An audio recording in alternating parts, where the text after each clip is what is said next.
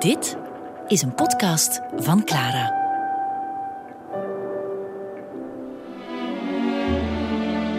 ...10 november, 22 uur. In Gent wordt er wel niet meer gevochten, maar rondom Gent wel. In het noorden en het zuiden gaat de strijd gewoon door. Vooral in het kleine dorpje Eke woedt de strijd heel erg hevig. De zogenaamde grenadiersslag vindt plaats. Belgische grenadiers proberen uh, in Eke over te steken richting Simmerzaken, waar de Duitsers nog altijd ingegraven zitten. En bij het begin van de nacht van 10 op 11 november komt ook daar het nieuws over de spoedige ondertekening van de wapenstilstand, over het einde van de oorlog, voor eventjes toch om 11 uur de volgende ochtend. En een Waalse militair, Fernand Hubert, verneemt al die nieuwtjes over met eigenlijk heel weinig enthousiasme, bijna apathisch. Hij maakt zich vooral zorgen over de Duitse artillerie aan de andere kant. Duitse kanonnen die maar blijven schieten. Hij schrijft over hoe dat die Duitsers precies niet beseffen dat ze de oorlog al hebben verloren. En ondertussen zijn het de Belgische kanonnen die zich vol aan het klaarmaken zijn op die verwachte grote aanval de volgende ochtend.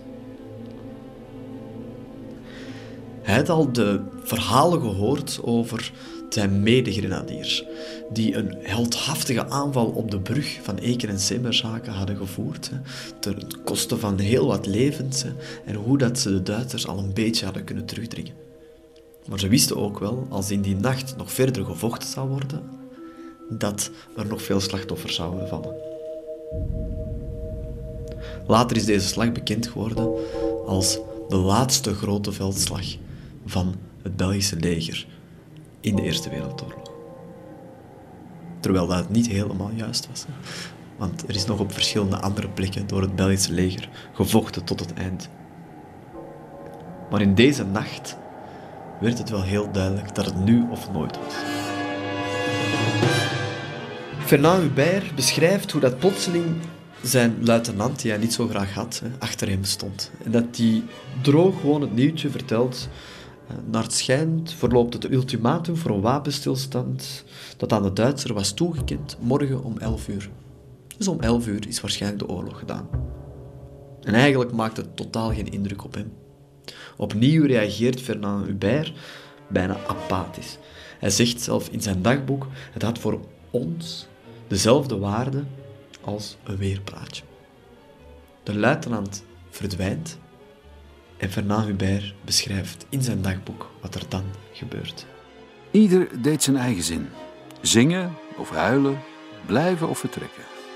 Een van ons, Van Poppel, nam het risico om zich een weg te banen door het oorlogsgeweld om naar een rustiger oord te trekken. Aangezien ik de oudste soldaat was, stelde ik de anderen gerust. De kans dat we gevaar liepen hier in deze bijkeuken waar we ons verstopt hebben was wel erg klein. Mijn woorden waren nog niet koud. Of patatras. Een deel van het dak stortte in. En nogmaals, patatras. De helft van de gevel begaf het. Op dat moment rende de jonge Tricot onze schuilplaats uit, recht het bommengeweld in. Tegen alle verwachtingen in liet hij zich niet overhoop schieten. Tricot gaat lopen en achteraf verneemt hij van die, die jonge gast, van die jonge soldaat, die in paniek was weggelopen, en dat die naar huis is gelopen. Die woonde vlakbij. En die is gewoon, die, die zijn moeder zien. En hij komt, nog vooruit de oorlog gedaan is, komt hij terug onder de mannen en vertelt die, die, die vluchter, die tricot, uh, wat hem was overkomen. Ik dacht aan die wapenstilstand waarover de luitenant het had. Het zou zo ongelukkig zijn om me te laten afmaken op die laatste oorlogsdag. Ik heb mijn moeder teruggezien en, en daarna weet ik het niet meer. Ehm, ik ben de Vlammenzee ingelopen en vervolgens sprong ik over beken en hagen. Ik heb zeker een uur lang gelopen, zelfs nog lang na de batterie opgehouden had met vuren. Ik ben op mijn stappen moeten terugkeren. Begrijp jullie? Ik heb moeder teruggezien.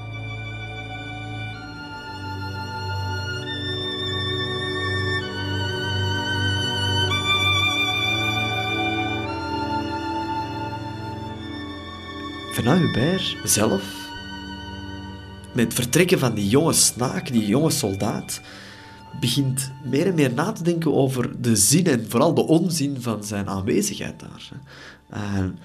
En hij deed eigenlijk...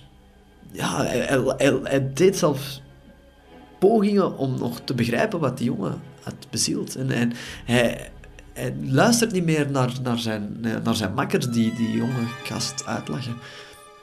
En wat gemene opmerkingen maken. En hij begint de hele te beseffen dat die, die laatste nacht, dat dan, dat, dat het dan kan gebeuren. Hè. En hij, hij sukkelt in slaap. Hè. Uh, maar daarvoor zit hij nog te denken. En, en, en, dat probeert hij neer te schrijven in zijn dagboek. Hè. Hij schrijft, het is oorlog. La guerre. Toujours la guerre. En daar draaiden onze hersenen op volle toeren voor we in slaap vielen. Het is oorlog, la guerre, toujours la guerre. De daverende obussen, het bloederige sterven, le feu, le fer, le sang, la mort. Gisteren, vandaag en morgen. Vooral morgen, het lang verwachte gevecht. Misschien de overwinning. Morgen. Het lijkt zelfs dat Fernand Hubert, terwijl hij in slaap sukkelt tussen de inslaande bommen, dat hij denkt dat het offensief alsnog zal doorgaan. Hij gelooft er niets van. Geen wapenstilstand. Als het geen truc is van het Belgische leger om de mannen klaar te stomen om vol moed een offensief te beginnen dat zinloos is, dan is het een truc van de moffen, zo denkt hij.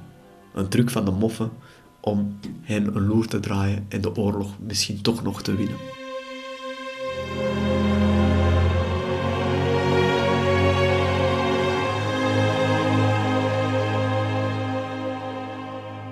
Na het nogal pijnlijke misverstand rond heel Rijkskanselier Schloes in het bos van Compiègne en maken de onderhandelaars zich eigenlijk klaar langs beide kanten, in beide treinstellen, om die laatste nacht in te gaan.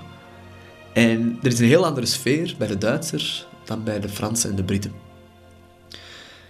Een van de dagboekschrijvende Franse officier, Maxime Wegon, een beetje de, de rechterhand van Ferdinand Foch, uh, die beschrijft hoe dat hij ja, nog een laatste gesprek heeft met Ferdinand Foch en dat zij te bed gaan en dat ze gaan slapen.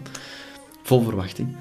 En in de Duitse trein zitten de mannen beginnen zich te buigen over die gecodeerde boodschap hè, van hun militaire opperbevelhebber, hè, van Paul van Hindenburg, met nog laatste instructies voor de onderhandelingen.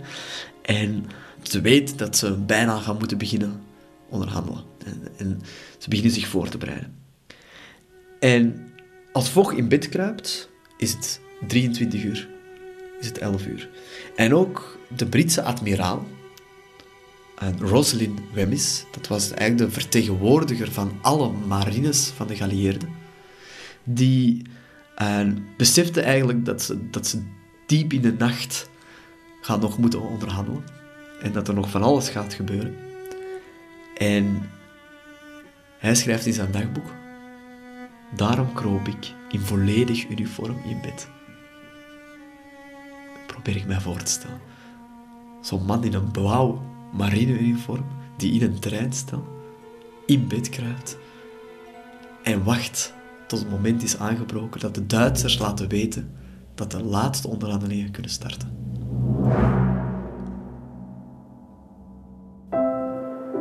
Ontdek ook onze andere podcasts via clara.be. Clara Podcast. Blijf verwonderd.